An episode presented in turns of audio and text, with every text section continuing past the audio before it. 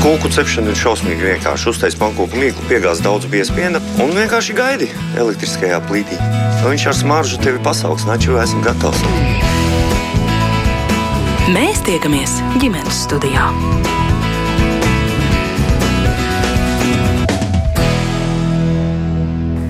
Labdien! Priecājos sveicināt visus ģimenes studijas klausītājus. Mans vārds ir Agnēs Linka, un šī rādījuma producente ir Ilze Zvaigzne. Nesen sociālos tīklos ģimenes studija manīja doma apmaiņu, kurā kāda sieviete atzinās, ka pēdējo reizi viņa jutusies pa īstam priecīga pirms gadiem trim, bet kāda cita savukārt viņai ieteica ieviest bērnus, jo tie, eh, citēšu, ar varu piespiež priecāties un traucē domāt par dzīves bezjēdzību. Tāpēc eh, šodien ģimenes studijā mēs gribam rosināt sarunu, ko ievadā varētu formulēt tā, vai bērnu radīšana var padarīt laimīgus, nelaimīgus pieaugušos, un kāda vispār ir mūsdienu cilvēka motivācija radīt pēcnācējus. Un es priecājos ģimenes studijas ekspertu krēslos šodien sveicināt izcils raudzes eh, speciālistus. Eh, šoreiz sistēmiskā ģimenes psihoterapijas speciāliste Nancija Lībieta ir kopā ar mums ģimenes studijā. Labdien! Labdien! Un arī ārsts psihoterapeits Artūrs Miksons. Sveiki! Sveiki!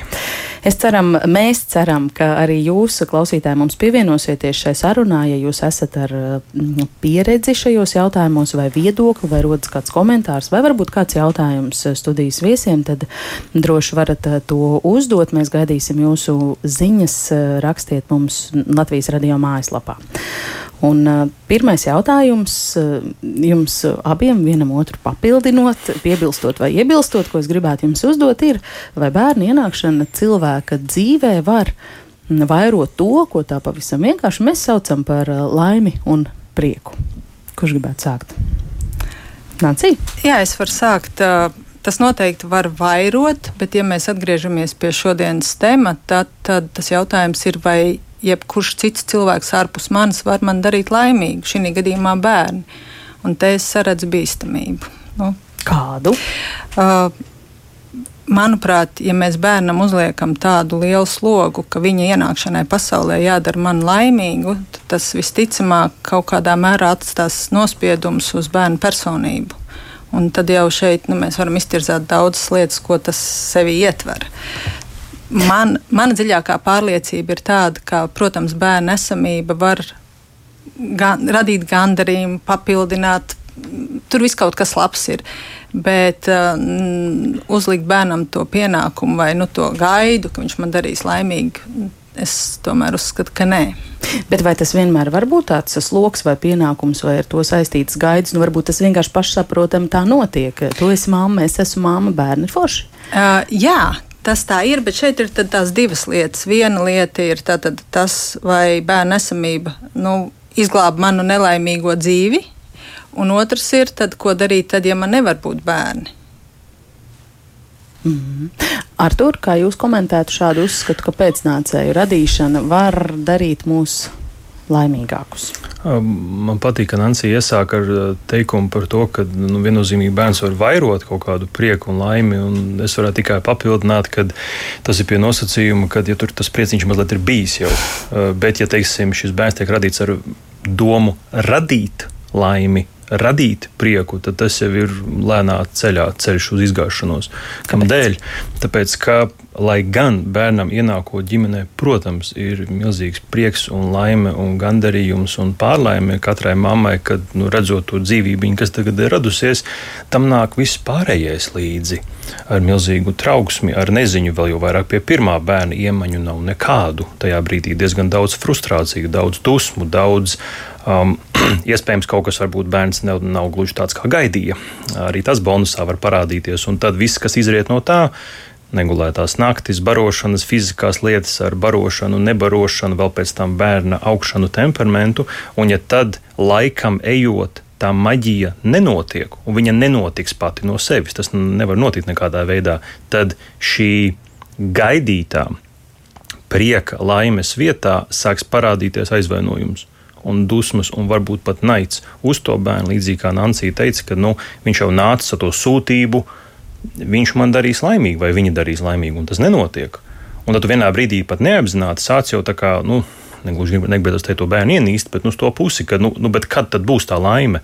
Nu, labi, mēnesis nav, gads nav, nu, nu, labi, nu, nu, tie, nu, gadiem jāpaiet. Ir. Un gadi iet, un nekas jau nemainās. Un, ja cilvēks to gaida kā tādu ārēju faktoru, līdzīgi kā jau Nancija minēja, ka nu, kaut kā tas ārējie cilvēki kaut kā mani padarīs vienkārši laimīgu, tad, diemžēl, uh, tagad ir divas problēmas jau. Sākumā pirms bērna bija viena, nu, ka tu vienkārši esi viena vai attiecībās bez bērna un neesi laimīga un kaut kas tev nesanāk. Kas ir sekas pēc būtības kaut kam? Tas nekad nav iemesls. Nesen lasīju beigu šo citātu par to, ka cilvēkiem, kuriem ir motivācijas trūkums, tas nav cēlonis, tas ir sekas.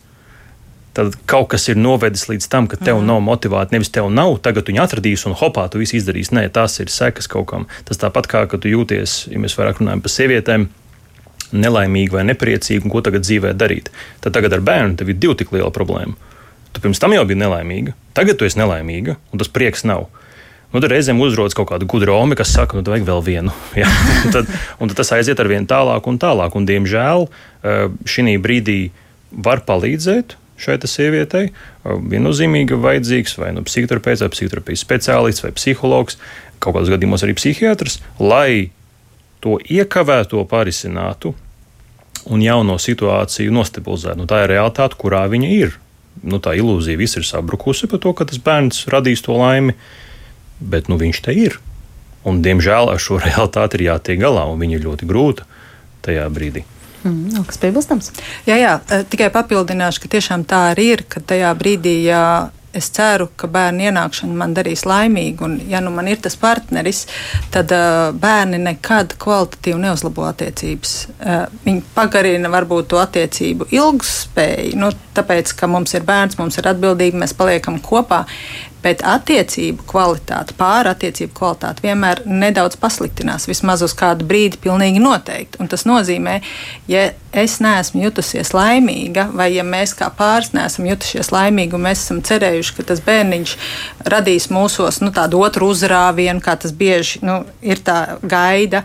Protams, sākumā, kā Artūrs teica, tā arī ir, tas uzrāviens ir, bet ar laiku tas noplūka. Tāpēc, ka tās bērnu vajadzības ir ļoti lielas, un tas bērns pilnīgi noteikti nav tāds, kā mēs tajā brīdī esam iecerējuši. Nu, kā bilde skaista, romantizēta, ka viss būs tā jauki, tur smaidīgs, mierīgs bērniņš, un mums būs viss tāda apgarota ģimene. Tur ir tās daudzās grūtības, un līdz ar to pilnīgi noteikti tas nekā nepalīdz. Tas drīzāk apgrūtina, un tie izaicinājumi ir daudz lielāki tajā brīdī, kad tas bērns ir. Mm. Es vēl nedaudz atgriezīšos pie manis uh, iesākumā pieminētās tās sociālo tīklu diskusijas, jo tur tie viedokļi tādi ļoti interesanti. Un vēl kāda sieviete tajā teica, ka uh, savu dzīves prieku uz bērna ierašanos tavā dzīvē uzbūvēt nevar, bet dzīves jēgu un piepildījumu bērnos un iespējams tikai bērnos var gūt katrs. Vai šis ir citādāks uh, aspekts? Uh. Tas, man liekas, labi iet kopā ar to motivāciju, ja mēs tā domājam. Jo, protams, tajā brīdī, es esmu radījis kādu, kuru priekšā es esmu atbildīga, es nevaru vienkārši pateikt, viss izstājos man apnika, jo tā ir atbildība visas dzīves garumā. Tad no tā skatu punkta skatoties, ja man ir šī atbildība, tad es saņemos tad, kad es vairs to nevaru. Sākotnēji daba mums ir apveltījusi, ka visa hormonālā sistēma strādā uz to, ka mēs varam to, ko normāls cilvēks nevar nesot, nu, tikko piedzemdējis. Bet pēc tam tad, uh, ieslēdzās tās atbildības, viss tā, tā sistēma, un mēs reizēm darām Kaut vai mēs nejūtam, ka mēs to gribam, ka mums tam nav spēka. Tur ir sevišķi tās mammas, kas, vai tēvi, kas ved savus bērnus tur piecos, sešos hokeja treniņiem. Nu, normālā situācijā norm, tie cilvēki visticamāk gulēt. Bet, nu, no rīta, ja? jā? Jā, jā, jā, no rīta. bet viņi ceļas, brauc, ved kaut ko tur darās. Nu, tā ir motivācija, tas palīdz. Bet uh, tas noteikti nav, tam nav tieši korelācija, jeb sasaist ar uh, laimes izjūtu. Mm -hmm. Bet, ja mēs runātu par dzīves jēgas, piepildījuma izjūtu, Nu, te arī būtu jābūt ļoti uzmanīgam ar to, tieši tā kā mēs iepriekš runājām par prieku un laimi. Tas būtu jānodala no jēgas, bet arī tas pats, ko mēs runājam par radīšanu un vairošanu, tas, kas jau iepriekš ir bijis. Ja iepriekš, teiksim, kaut kāds bija jau priekšstats sievietei par sevi kaut kādu funkciju, sūtību, ideju, ko viņa dara, bet kaut kā gribas to papildināt, un tad šis kaut kā tevi uzrauj un rada labāku sajūtu un pārliecību un kaut ko fine, tad jā, tad tas ir ok.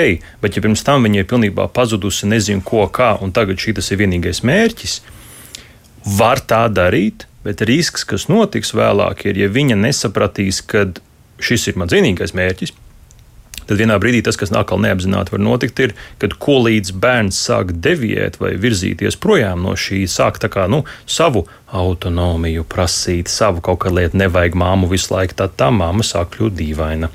Mazliet tāpēc, kad pēkšņi nu, mana dzīves jēga kaut kā nedara to jēgu, ko es iedomājos. Viņi tagad savu jēgu sāk domāt, ko man tagad Kaut darīt. taisās atdalīties no manis. Jā, tieši tā. Un pēkšņi, kas tajā brīdī notiek, mamām pieaug milzīga trauksme. Kādēļ? Tāpēc, kad aktualizējās tavi visi jautājumi. Pirms tās grūtniecības, pirms tā bērna piedzimšana, visas tavas nedrošības, neskaidrības, nepārliecinātības, kuras līdz tam viss ir ļoti skaisti pietušēts. Jo tu, jo, jo tu tiešām visas simt procenti ieguldies tajā bērnā. Un, protams, ļoti agrīnā periodā superīgi bērns saņem superīgāko mammu. Nu, kaut kādā brīdī, iespējams, pa daudz viņa sāk tur noteikti visu kontrolēt. Bet, jo bērns kļūst pieaugušāks, jautājums, vai viņa spēj saprast, ok, tā bija jēga, es kaut ko ieguvu, nu, man laiks savu. Laist vaļā. Kaut ko man laiks laist vaļā un darīt kaut ko savu. Bet liela daļa šādu māmu manā praksē to nejūt. Un tad viņas nonāk līdz tam, kad ir viens bērns, iespējams, nu, vajag lielāku jēgu, tad ir divi vēl trešo bērnu, vēl lielāku jēgu vajag. Un tad viņas atjādzās, ka bērniem jau ir 10, 5, 6 jau tādi lieli. Un viņiem kaut kāda sava lieta, un tad viņi neredz, ko un kā darīt. Un tad viņi meklē kaut kur citur jēgu, un tad meklē, kuras tagad sākšu izpausties, ko un kā, bet tad ir pagrūti. Kādēļ? Tāpēc, ka tagad ir trīs bērni, par kuriem ir jārūpējas, ir vēl iespējams uzbūvētas atbildības par e, treniņiem, pulciņiem, vēl kaut kur tur ir vesela schēma uzbūvēta. Tad kur tajā pēkšņi atrast spēku un varēšanu atdalīties pašai un kaut ko darīt. Tu uzbūvēji schēmu, kur tu pati esi ķilniece. Ārprāts, tagad jau mēs nonācām tādā sarunas punktā, kur liekas, ka Dievs saka, Dievs, lūdzu, neviens neradiet bērnu. Nē, nē, nē. E, šo, šo es negribu stāstīt, lai iebiedētu, ka nevajag radīt bērnus, bet drīzāk tajos gadījumos, kas ir šī grupa, kas uzskata, nu, nu, ka tas ir viss, ka tas visu risina, tas atrisina jēgu, tas iedod visu, tas, tas piepilda pilnībā visu. Tur ir šis milzīgākais risks. Tur, kur saprot sieviete, kur Viņai ir citas arī citas vērtības, citas pārliecības, viņai ir attiecības, kas strādā, viņai ir savi hobiji, savs darbs, savas lietas, ko viņa dara. Un paralēli tam šobrīd ir bērns. Ne, nevajag kā aiziet otrā grāvī, ka mēģina visu apvienot. Tas mm. ir 21. gadsimta sievietes, tāds murgs mazliet, kur apmēram vajag visu prast. Audzināt bērnu, iet uz darbu, šito darīt, to, to, to un visu vienlaicīgi. Nē, nu tad, kad piedzimst bērns, dažas lietas paiet malā. Vai tas ir godīgi salīdzinājumā ar vīriešiem? Protams, ka nē. Jā, nu tā, tā realitāte, diemžēl, ir. Bet, ja viņi saprot, tas uz šo brīdi ir, un tad es eju atpakaļ. Un es spēju atdalīties no tā bērna, jo viņam ir savs, un reku man ir savs, un reku attiecības un visas šīs pārējās lietas. Ja Nancijai nav vēl šobrīd kaut es pilnībā piekrītu, tas ir tas, tas, kāpēc varbūt tas izklausījās tik skarbi, ir tieši ar to, ja tas mērķis ir, uh, ka bērns darīs mūs laimīgi. Visādi citādāk, protams, tas ir dabiski radīt bērnus, ka tas rada mums gandarījumu un tā tālāk. Tas... Mm -hmm. Palasīšu klausītāju komentārus. Tāda nav mazums. Ženija raksta, jāņem vērā, ka māmiņām, kuras bija nelaimīgas pirms bērniņa atnākšanas, var būt ļoti smags sākums, kad īsti nav laika atslēgties un izdarīt kaut ko sev, lai nevajadzētu visu laiku sastapties ar grūtībām. Alice saka, ka tas atkarīgs no cilvēka. Es vienmēr labi jūtos bērnu sabiedrībā, gribu visus sačubināt, tāpēc arī izvēlējos skolotājas profesiju un ir labi būt priecīgai ikdienā. Ieva saka, ar bērnu tā lielā laime jāķer mirkļos, bet tas grūtums reizēm var būt ļoti nomācošs. Cik svarīgs ir partneris, lai tas grūtums nav jānes vienai pašai mammai. Anna raksta, bērns dara laimīgu un liek nosirmot matiem vienlaicīgi, bet eh, bērns nav salavecīts vai feja, kas atnāks ar dāvanām un aizpildīs caurumus.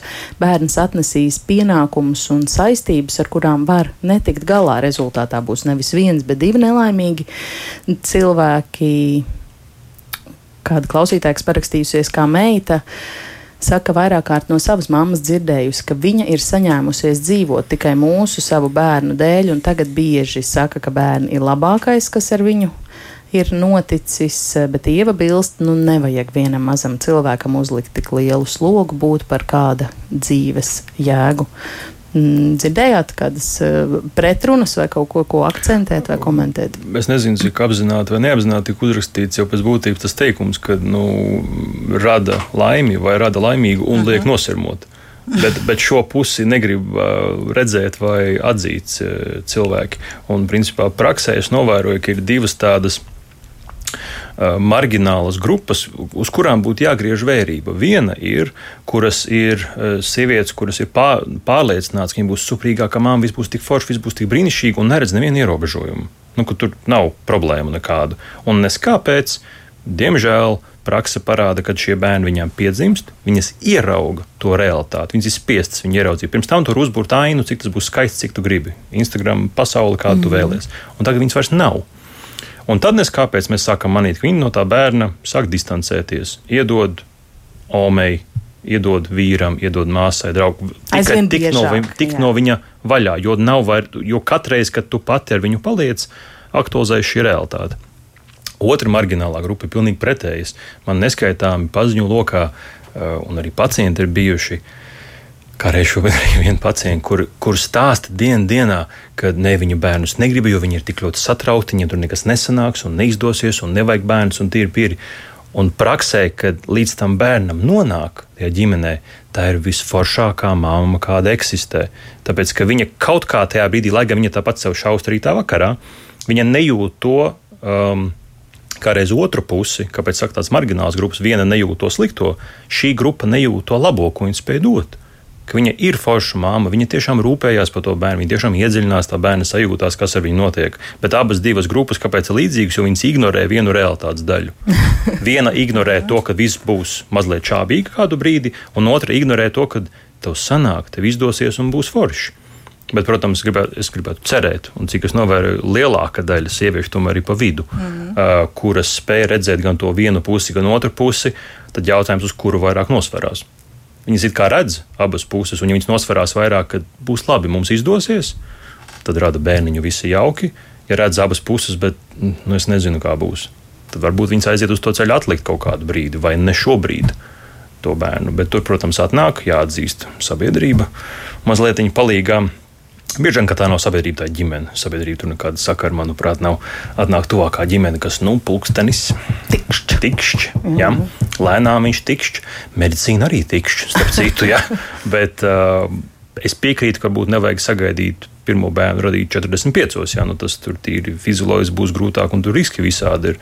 Bet nevajag iet šo ceļu, nu, ka tev apmēram līdz 30 nav vai 28, nu tad viss dzīvē beigas ir. Tā nav. Man draugu lokā ir vairāk, kuriem pirmais bērniņš jāvēlina, ir 35, 36, bet tas pāris ir pilnīgi mierīgs. Ja viņi līdz tam jau ir sakārtojuši savas attiecības, un mīl meitiņu, un viss ir forši un skaisti. Citi pāri savukārt tie, kas daudz ātrāk to ir darījuši un bija tajā izidealizētajā pasaulē tikai, nu, jā, šobrīd tikuši galā bija viens posms, nu, kur bija tā uz robežas. Gan par attiecībām jautājums, gan to, kā tikt netikt galā ar bērnu ļoti sarežģīti. Mm. Un līdzās tam dalījumam, ko Arthurs minēja, vēl ir tas dalījums, kas ir kaut kur pa vidu. Tie, kas ļoti, ļoti grib un ir bijuši pārliecināti, ka viss būs kārtībā, nu jau praktiski veseli cilvēki, un tad nonāk tajā punktā, kur pamēģina, nu nav. Nu, pamēģina, vēl nav. Pirmais mēnesis, otrais, trešais, un tad sākas stress. Tad, tad mēs varam runāt par tiem pāriem, kuriem neizdodas. Un tad eh, tā sajūta, ka tu kaut kādā mērā sāc justies izbrāķēts. Un jo vairāk tu tā jūties, jo vairāk tas tev sasaista, jo vairāk tā sajūta piemetās, ja piemeklē, ka vai es varu būt nu, laimīga vai laimīga mēs kā pāris, ja mums nav bērnu. Un tā ir vēl viena grupa, manuprāt, ar kuru. Es pilnībā Nancijai piekrītu par to, ka es pieļauju, ka viņa runā par to veselīgo grupu. Jā, jā protams. Ar, ar, ar, ar to domājot, eh, gribu pamatot, ar to domājot, ka šī ir tiešām grupa, kur pāris tiešām ir uz sadarbību vērsts, cieņpilns, sirsnīgs un tiešām kaut kādu stulbu bioloģisku faktoru dēļ nesanāk. Kaut kādas sakritības, ģenētiskas nesadarības vai vēl kaut kas, un vienkārši nu, stulbi ka tā dzīvē ir sanācis. Kā reiz tālākā paziņu lokā, diemžēl tāds pāris viens ir, kur um, sakrīt pāris, viss ļoti jauki, viss sanāk, bet tajā brīdī, kad bērniņš piedzimst, tajā brīdī konstatē, ka tur gan bērniņš pieteicās, bet tur tas rezumē bija ar nopietnu ģenētisku kaiti. Diemžēl, tāpēc, ka tur bija satikušies divi cilvēki, ģenētiski, kuriem nu, dzīvē nevajadzēja pēc iespējamībām satikties. Bet, diemžēl viņi nu, ir satikušies. Tas, ko es sāku teikt, kad manā praksē nākas saskarties ar daudz, atkal šo tēmu cilāt, ir sāpīgi sievietēm, bet kuras stāsta par to, ka nevar palikt stāvoklī, un tad ieteiksim to pašu mākslīgās apaugļošanas ceļu. Bet tā, kad tu sāc prasīt par tām attiecībām, nu, iebaugu. Teiksim, stāsta, ka nevar palikt stāvoklī, tad tu pajautā interesi pēc, kā jums ir ar intīmo dzīvi ar vīru pēdējos divus, trīs gadus. Un viņi saka, nu, seks ir nu, reizi pusgadā. Varbūtība iestāties grūtniecībai. Jā, tieši, tieši tā, tur, tas man ir viens jautājums, tī, kā mēs nonācām līdz tai neauglības jautājumam. Ir, kur ir bijis biežāk, mm -hmm. ja, mhm. bet, teiksim, neguļ pat īsti vienā gultā. Fiziskas tuvības nav vispār. Man ir tāds, es saprotu to ideju, ka bērns un viņš kaut ko radīs, bet kaut kas fundamentāli nav tajās attiecībās. Nu, kaut vai ja mēs padomājam, es zinu, ka cilvēki man te var linčot, ka es to sāku teikt, bet kad nu, bērns rodās kā rezultātā nu, tomēr seksa rezultātā nu, tas ir kaut kāda ļoti intīma fiziska tuvība, ļoti savienojoša tuvība. Ja viņa neeksistē vispār, un mēs to izdarām tīri mehāniski, tad kaut kādu vienu attiecību daļu mēs izslēdzam. Tas, ko sākumā pašā Nancija teica, ka tas neatrisinās pāri problēmas. Tātad, ja pirms tam mēs jau kaut ko nevaram sadalīt, nu, tas ir piemērs, kas man rodas, nu, kad ja mēs nevaram, ja vienoties, kurš miskast iznes ārā, un par to ir strīdi mājās, tad kas būs tajā brīdī, kad bērns piedzims? Mm. Bet, diemžēl vai par laimi, medicīna var palīdzēt pāriem, sākumā, ko mēs minējām, kas tiešām tas rada viņiem laimi, jo beidzot mēs varam. Un vienlaicīgi, diemžēl man jāatzīst, medicīna ļoti daudzos jautājumos atbalsta patoloģiju. Patoloģija tādā ziņā, ka pāris, kur šīs attiecības nav, viņš var, sieviete var aiziet pati bez tā vīrieša, paņemt viņa spermas paraugu, viss ļoti jauki, bez seksa bez tuvības radīt bērnu, kas, ja tu izstāstītu jebkuram, nezinu, no Āfrikas ciltiņam, liktos, par ko jūs parunājat. Kas tas ir? Mm.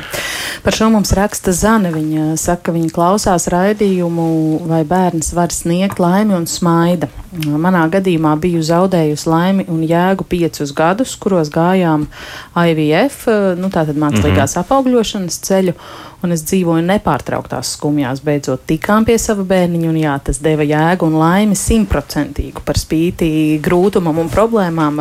Tas nav salīdzināms ar sniegto laimi. Nu, šis droši vien ir stāsts par to harmoniju pāra attiecību pamatā. Un, protams, skumjām, ko nes nespēja ieņemt bērnu, un, protams, laimi, tad, kad tu esi pie viņa ticis. Mm -hmm. Un vienlaikus gribas arī piebilst, ka nespēja radīt bērnus reizēm var norādīt uz kaut kādām pāri grūtībām, un reizēm tas tiešām ir, kā Arthurs teica, stulbu kaut kādu bioloģisku, mm -hmm. fizioloģisku iemeslu dēļ. Un tad ir jāsaprot, ka nespēja radīt bērnu ir tikai viena spēja, kura man nav vai kura mums nav. Bet tas neizslēdz iespēju uzaudzināt bērnus, kas nav manējie. Ja vien pārim tas dara, Un tas var būt ļoti atbrīvojošs moments, ja mēs tiešām gribam tos pēcnācējus, bet kaut kādu stulbu faktoru dēļ mēs to nevaram, tad noņemt to smagumu, kas bieži pāri ir, ka mums, nu jā, ka mums tur ir reizēm cilvēki saka tādas smagas vārdas kā kroplība, uh, bet tā ir tikai viena spēja vai viena nespēja. Prasme, ne prasme, tāpat nav prasme spēja, bet viss pārējais ir, jo ir cilvēki, kam ir daudz bērnu, bet viņi tā arī nekļūst par vecākiem. Ir mammas, kurām ir kaudzēm bērnu, kur dzīvo bērnamos. Un par vecāku var piedzimt sirdī. Ja vien gribas tos pēcnācējus, ir arī citi veidi. Es domāju, šito Nencijas tekstu vajadzētu, nezinu, kā logo kaut kur uzlikt. ne, pilnīgi nopietni par to, ka um, ļoti daudz lietas cilvēki paši sev neatzīst, ka mēs dzīvojam tādā kā Es nezinu, vai tas ir sociālās mediju nopelns, vai tas ir mūsu sabiedrības attīstības nopelns. Mēs dzīvojam kaut kādās birkās mazliet. Un, apmēram, ja tev um, pats to esi uzlicis pirms tam to sūtību, kad es būšu mamma, tad tajā brīdī, kad diemžēl pāra nesakritības pēc, bioloģisku iemeslu pēc, citu iemeslu, nezinu, kaut kādu slimību iemeslu dēļ, nezinu, nelaimju dēļ, tev viņu nav, tad jā, tā ir vesela, tiešām viens tavs, nezinu, trūkums, nepilnība, dzīves sakritība, kas ir jāpārdzīvo, viņi ir jāizstrādā. Bet, ja tu to paņem kā sevis definīciju, es esmu sieviete bez bērniem. Nu, Pagaidām, tev vēl, manuprāt, citas īpašības ir. Tur, tur apakšā vairākas, bet, ja pirms tam tam ir milzīga vērtība uzlikta, tad cilvēks nespēja no viņas atteikties visbiežāk. Un tad ir tas ceļš, kad nevis pieņemt, varbūt tiešām uz brīdi, kaut vai man daži tādi pacienti ir bijuši, uz brīdi, kad nu, šobrīd mums bērnu nav. Nu, kaut, nu, kaut ko citu darām. Nu, pilnveidojam sevi, attīstāmies, nezinu, braucam, ceļojam, strādājam, attiecības kaut kā veidā, nu, kaut ko darām. Bet nē, ir ieciklēšanās un vajag. Un, diemžēl tādā veidā ļoti sevi noslogojot, piemēram, jau kas tika rakstīts, ka gadiem tas notiek. Piemēram, kas tika minēts, jau forši bērniņš ir. Tas ļoti jauki to dzirdēt, bet citos gadījumos viņš arī nepiesakās. Un tad ir gadi pagājuši, ko viņi, kas ļoti bieži dažas sievietes man tāds ir bijušas, sāk sev pārmest. Kad es taču izmetu vējā četrus gadus. Priekš kam? Es varēju kaut ko citu tajā brīdī darīt. Un tad ir atkal otrā galējība, ka jāmēģina viņām rādīt, nu, nu, tāda bija tava izvēle, nu, ko darīt. Ir grūti viņu samierināties un grūti viņu pieņemt, bet nu, tā sevi definē. Tam visam pa virsmu nevajag par zemu novērtēt šajā visā tēvus. To, to tēmu neceļ baigi sabiedrībā. Bet eh, kādēļ tēvus? Tādā ziņā, ka ir gana daudz man bijušas sievietes, nu, statistiski viņas nāk biežāk uz vizītēm, kur kādreiz vīrietis ir bijis attiecībās tas, kurš saka, nu, ka bērns un vajadzētu ģimenes pieaugumu un tā tālāk. Man līdz galam viņš uz vizīti nenāk, man nav skaidrs viņa, viņa motivācija, bet es kāpēc tā, tas bērns piedzimst, viņš pats kaut kur pazūd. Nevis, ka pazūd no ģimenes, bet pēkšņi tur darbs, aizņemtība, kaut kas. Un šis tēvu faktors tādā ziņā parādās. Tieši tas pats pieņemsim, ka uh, ģimenē, pieņemsim, sieviete nevar palikt stāvoklī. Arī tas ietekmēs tēvu. Mhm. Viennozīmīgi par to, ko tas nozīmē par mūsu attiecībām, kā mēs tagad turpinām, vai tas ir kaut kas par mani, vai tas ir par viņu, ko es varu palīdzēt ko es varu vai nevaru darīt. Šie arī ir ļoti sensitīvi un svarīgi jautājumi kuriem mēs tā baigi nerunājam. Mm. Jā, jā, klausītāji arī mums norāda, un patiesībā man arī mēls galā bija eh, jautāt eh, par tiem vīriešiem un tēviem, bet mēs ievilksim mirklī telpu un turpināsim pēc mazas muzikālas pauzes šo sarunu ģimenes studijā. Mēs tiekamies ģimenes studijā. Un ģimenes studijā mēs šodien runājam eh, par to, vai bērna ienākšana var eh, darīt eh, pieaugušus cilvēkus laimīgākus un kāda ir motivācija radīt pēcnācējus. Ar mums kopā ģimenes studijā šodien ir sistēmiskā ģimenes psihoterapijas speciālists Nancija Līpiet un ārsts psihoterapeits Artūrs Miksons. Un ļoti daudz klausītāju jautājumu. Liels paldies visiem par interesantiem, atklātiem, sirsnīgiem komentāriem. Ilza raksta, grūtniecībā sieviete riskē ar savu veselību veselību un dzīvību par bērnu var domāt, ja blakus ir partneris vīrs, kurš nodrošina ģimeni vientuļo māmu īpatsvars ir skumjš. Un es domāju, ka atbildīgu izturēšanos pret sevi ir jāmāca jau skolas solā. Un Aija raksta, ka jūs runājat par pāriem, bet cik gan daudz nav tādu sieviešu, kuras izlemj, ka bērns viņām būs un viss viņām vienām, un pēc tam pēc gadiem bērns pārmet, kāpēc tad viņam vispār bija jādzimst, ja viņam nav tēva divi šķiet nedaudz pretējā virzienā ejoši viedokļi, bet tomēr par vienu un to pašu. Nācija, ko šeit varētu komentēt vai attīstīt to domu, kurā virzienā? Um, es domāju par to komentāru, ka bērns pēc tam pārmet, ka nav bijis tēvs. Uh, un reizēm tas tā varētu būt arī, ka pat tad, kad tas tēvs ir, tas komentārs var būt, ka tas tēvs kaut kur te bija, bet es viņu nesajūtu, un tad mēs vienmēr varam domāt, uh, vientuļo māšu, gan, gan visādās citādās kombinācijās, kas ir tas vīrieša tēls, kas var būt. Un tas jau nav tikai tēvs, ja, ja bērns nezinu, iet uz skolu un tur ir tāds ritīgi labs, entuziasma pilns fiskultūras skolotājs, laikam mūsdienās sporta skolotājs, mm. tad tas arī var būt kaut kas, kas iemieso to vīriešu tēlu. Varbūt tāds jautājums nerodas. Um. Artur, par sievietēm, kas vienas grib radīt bērnus, tad, ja nav tā partnera, Un, un pēc, gribas šo piebildījumu dzīvē. Nu, te jau savā ziņā, nu atkal, uh, mūsdienās medicīna palīdz atbalstīt šo ideju. pirms tam, ja tāda vēlme sievietei bija, bet, teiksim, mākslīgās apaugļošanas nebija, tad kaut vai, ja tu ej tādu, sauksim to lūgārāku ceļu, viens nakts sakaru, lai dabūtu bērnu, un viss tev tāpat bija kaut kādās attiecībās jāiesaistās, kaut vai ļoti, ļoti īstermiņa, bet viņās bija jābūt. Tu vienreiz mēģini nesnākt, mēģini nākamreiz, ja tā bija tā vulgāri tas viss, bet nu notiek. Bet šī gadījumā tu vari bez šī ceļa bez šīm attiecībām iet mm, mākslīgās apaugļošanas pieļauju ceļu. Es pieņemu, ka tur arī parastu ceļu. Arī vienkārši, parastu ceļu, jā. Vienkārši ne, kāpēc es viņus nodalu? Jo, ja tu tomēr ej ceļu, kur tas parastais ceļš ir, tad, tad, tad tam bērnam ir tēvs, un tu pats zini, kas viņš ir. Bet tad jautājums, kas ir tajā brīdī, kad tas bērns aug un prasa, nu, bet viņš, viņš redz, ka klases biedriem ir tēvs, tad kur ir mans tēvs? Un tad jautājums, vai tajā brīdī tu saki, mākoņu maliņā, vai nē, nē, mēs šo tēmu neaizskaram, tad ir kaut kāda mistiska tabū tēma, un attiecības mammai nav. Bet kas tad ir tas priekšstats, ko mēs rādām bērnam? Ja šī gadījumā piedzimst meita, tad, nu, kā tad attiecības veidot? Kas ir attiecības starp vīrieti un sievieti? Kas ir kaut kāda sievišķība kā tāda? Ja sieviete šī gadījumā caur mākslīgu ceļu tiek pie bērna, tas jau vien norāda kaut kādu problēmu fiziskajā ķermenī, emocionālā izpratnē par sevi, par sievieti, par attiecībām, kaut kādu jau priekšnoteikumu tur. Ja tas ir dēls, tad ļoti bieži nu, tur izveidojas tād kā, tāds kā pseido partneris jau. Ļoti bieži praksē man tas ir. Un tad šī gadījumā jautājums, kas tas bija par bērnu, kurš to teica, kādēļ tēta nav. Tāpēc, ka tur jau, jau ir tas, ka tas bērns pārvēršas par tādu kā nu reku manu kompanionu dzīvē, nezinu, reku mana meita, reku mans dēls, ko mēs kopā um, tagad kaut ko um, darīsim. Un, un, un tas tiek nodots paudžu paudzē kā uh, vēstījums. Mm. Arthurs ļoti labu momentu pieminēs, kaut kā viņa izlaida, bet tas bija ļoti pa tēmu, uh, ka tēva tēmai nevajadzētu būt kaut kādam nu, tabū statusam. Jo iespējams, ka tāds jautājums nerastos nu, ja mēs šito izrunājam, nu, jā, tev tēvs ir, man ar viņu vairs nav attiecības, nu, viņš vairs nav pieejams. Nu, vienalga, kāds tas skaidrojums būtu, nu, bērnam atbilstošs skaidrojums, bet ka nav tā, ka tēva vispār nav, nu, kad ir iksiņš. Mhm. Tur ir bijis kaut kāds vīrietis.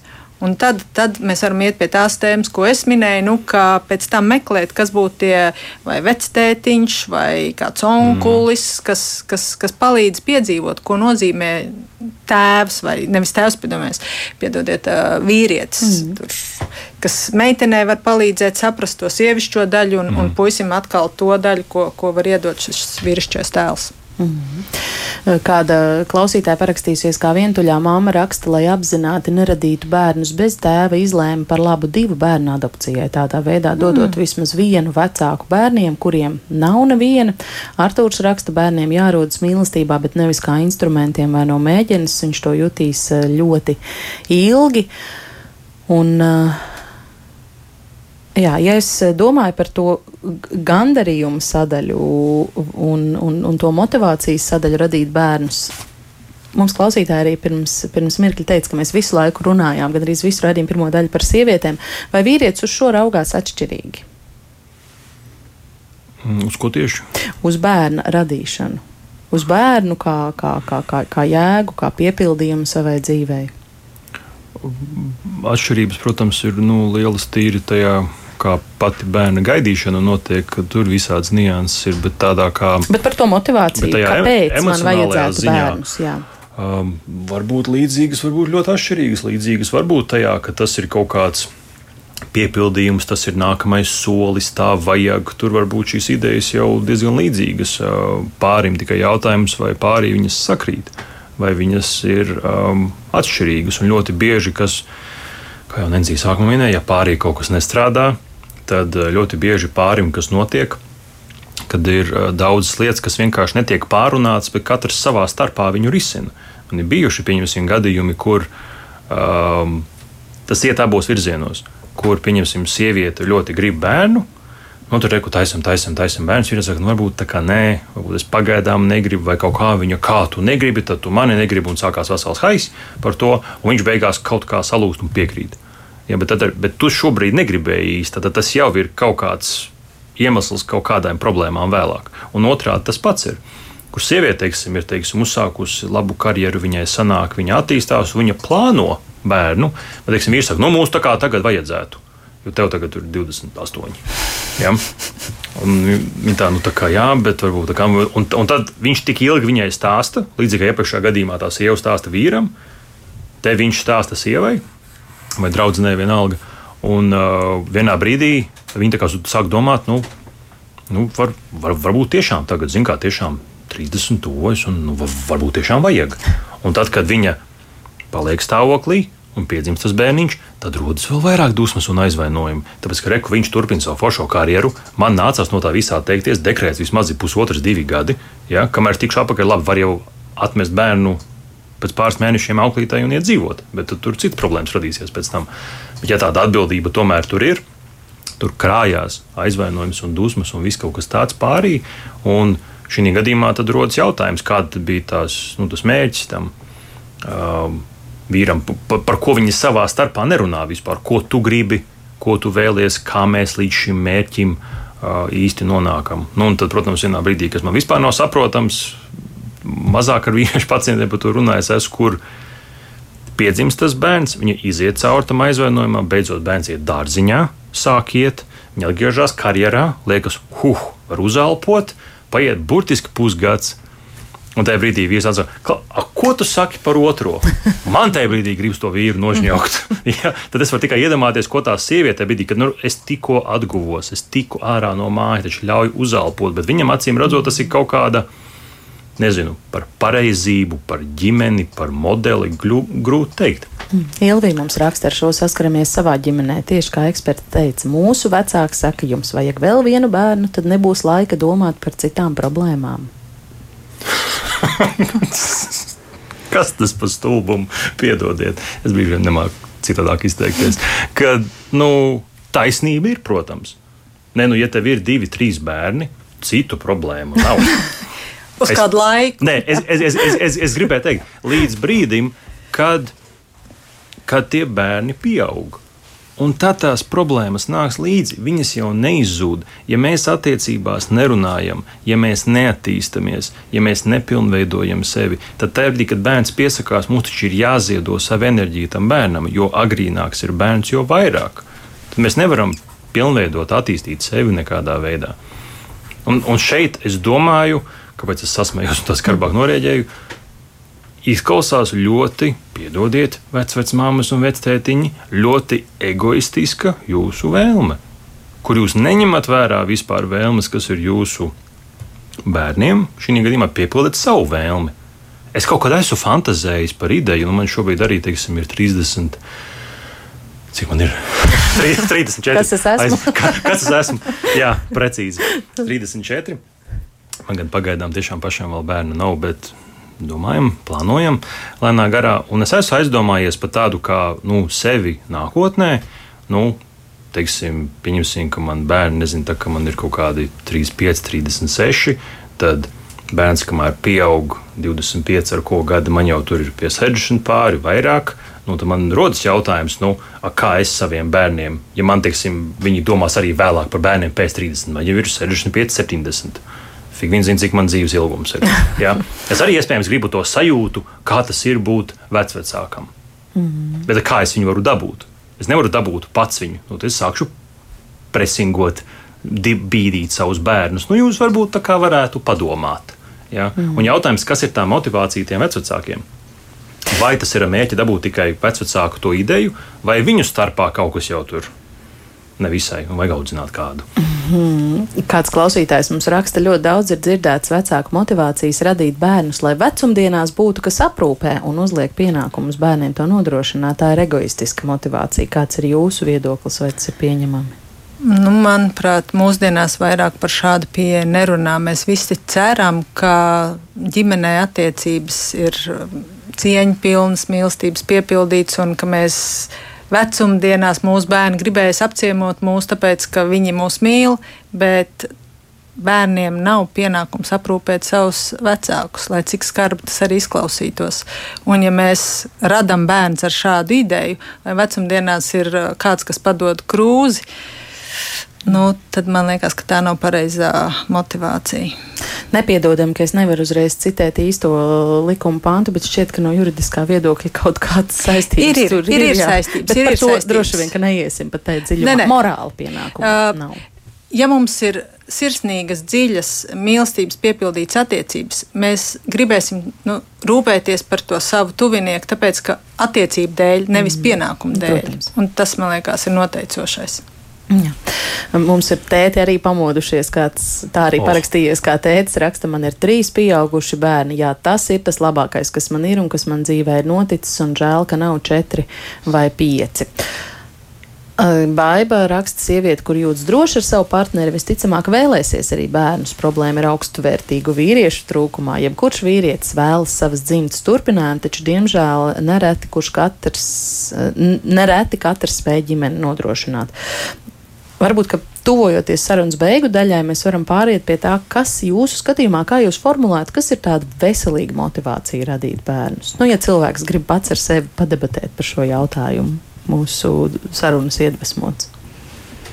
Jo viens ir jā, tas sabiedrības spiediens. Te pirms tam sociālos tīklos arī uzdūros tieši gatavojoties raidījumam, kad um, sieviete rakstīja, nu kas tā mums ir par sabiedrību, kas uzskata, ka tikai laulībā vai bērnos ir atrodama laime, un vēl it kā tās ir lietas, kas nopērkamas veikalā. Man lūdzu foršu vīru un trīs uh, mazuļus par veselīgo motivāciju, abstrahējoties no tā, ko saka vecmāmiņa, vectētiņš, māma, tētis vai darba kolēģi un garām gājēji. Es teiktu, varbūt būs interesanti dzirdēt, ko Nancija teiks. Es gribēju pavērt mutu un tu Latvijā. ka, um, es teiktu, tāds kā dabisks, likumsakarīgs pāru attiecību ģimenes sākums vai teiksim, tāds kā nu, ģimenes turpinājums, kā, nu, kur to definē, kuru var izvēlēties nedarīt. Bet uh, tieši tāpat kā nesen patika viena pacienta pateica, ka mēs varam vilkt paralēlus tāpat par attiecībām, nevis par bērniem. Viņa superīgi pateica, kur man likās, viņa pat nedzird to pretrunu. Ka, nu, mēs vienā brīdī ar uh, draugu nonācām līdz tādai attiecību stadijai, ka bija, mēs bijām izvēles priekšā. Vai nu mēs šķiramies, vai nu mēs precamies.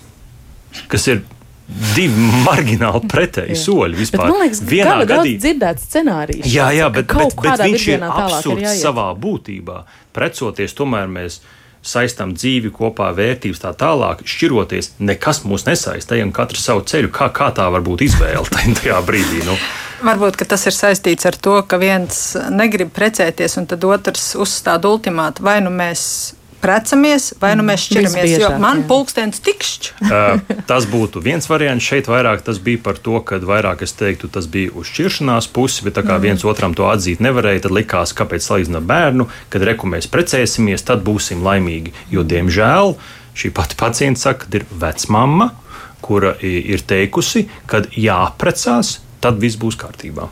Un šīs arhaiskās kaut kādas pārliecības, nu, pat, pat ne arhaiskās, bet tādas saudabīgas pārliecības, tiek nodotas paudžu paudzēm. Tas pats ir par bērniem, ko mēs sākumā runājām. Ja šī motivācija ir nevis, kad es esmu plus mīnus, cik no es varu, nevajag būt perfektam, bet sakārtoju sevi, mēs esam sakārtojuši attiecības. Jā, par kaut ko mēs esam nedroši, kaut kas iespējams nesanāks, bet mēs virzamies tālāk. Tad, manuprāt, tā ir gana laba motivācija kaut ko darīt. Bet, ja tas ir tāds, ka es vēl nedarīju šo, nedarīju to, attiecībās ne, īsti nav, voši tas darīs laimīgu. Varbūt izlīdzināsies kaut kā vēlāk, bet es nezinu, kā cilvēks izturēs to spriedzi. Es domāju, ka nē. Īsti līdz to Nu, tā tāda krieva rulete. Jā, Varbūt precīzi. jā, varbūt šī nē. gadījumā es teiktu, tā ir tāda kā veselīgs turpinājums jau labi uzbūvētiem pamatiem. Ar to es nepat teiktu precīzi. es gribēju teikt tieši to pašu. Tas ir tiešām dabisks turpinājums kaut kam, kas ir veidojies, kas ir stabils, kas ir uh, bagātīgs, papildinošs. Un tad uh, ir dabiski gribēt bērns, jo mums jau no dabas ir ielikts tas vairošanās moments. Agnese raksta, diemžēl zinu, kā jūtas bērni, kur ir savu vecāku dzīves jēga, nu nejūtas labi. Tas ir pārāk smags sloks, te mēs atgriežamies pie, mm. pie paša, paša mūsu rādījuma sarunas iesākuma. Vecāki, kuri paši sevi nav realizējuši kā personības un tagad to cenšas darīt caur saviem bērniem, un ja bērni nepakļaujas, Agnese liek daudz punktu. Alda mums saka paldies par tēmu un par raidījumu. Tā viesiem par savu pieredzi viņa saka, ka viņu darīja laimīgi tas, ka var šo mazo dzīvību darīt laimīgu sākumā. Paēdi papildināt, paucināt, samīļot, parūpēties, pēc tam jau arī daudz ko iemācīt un pastāstīt un ierādīt un pasargāt. Jā, ir bijuši grūti brīži, kaut vai negulētās naktis, bet tas nekādā ziņā nav darījis mani nelaimīgi, gluži pretēji.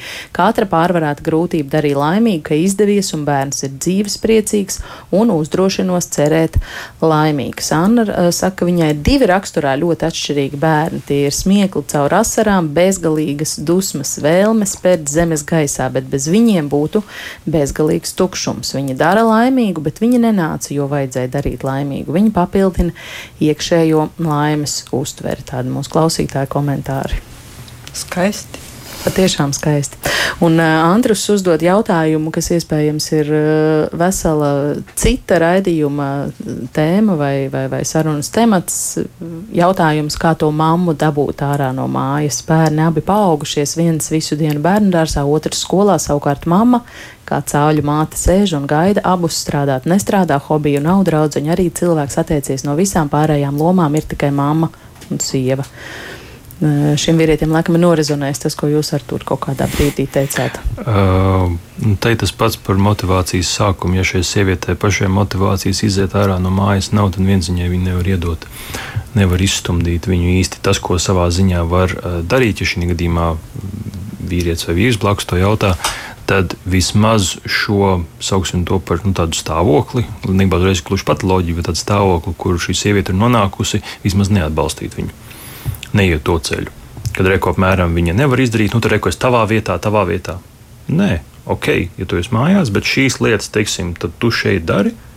Es teiksim, daru šīs, un ja viņ, viņai tas radīs kaut kāda veida diskomfortu, kur ir tikai divi varianti. Vai nu viņa turpinās līst dziļāk bedrē, vai viņa sapratīs, nē, nu šitā gan es negribu. Un tad vienīgais ceļš ir līst ārā no tās bedres. Mm. Lūk, īsais padoms arī sanāca šajā jautājumā. Jā, jā. Uh papildinot vēl Artūru, neatbalstīt, un vienlaikus viņš kā partneris var, var vest viņu ārā no mājas kā partneris. Darīt kopīgās Jā. lietas un tādā veidā dot viņai iespēju piedzīvot, ka arī bez bērniem viņa joprojām spēj funkcionēt. Mm -hmm. Joprojām ir forši, un varbūt kaut kādā brīdī viņa nonāk pie tā, ka vispār arī viņa viena pati par sevi arī var labi funkcionēt. Mm -hmm. Paldies par šo sarunu. Es domāju, gan vērtīgi daudziem mūsu klausītājiem. Paldies, ka veltījāt mums savu laiku. To es saku Nancijai Lībietai un Artūram Miksonam. Un par radījumu tapšanu šodien gādāja arī Ilza Zvaigznes, Nivets Zvejniec, un pie mikrofona bija Agnes Linka. Un tiekamies arī podkāstos, mobilajā lietotnē un ģimenes studijas sociālos tīklos. Paldies! Visu labu!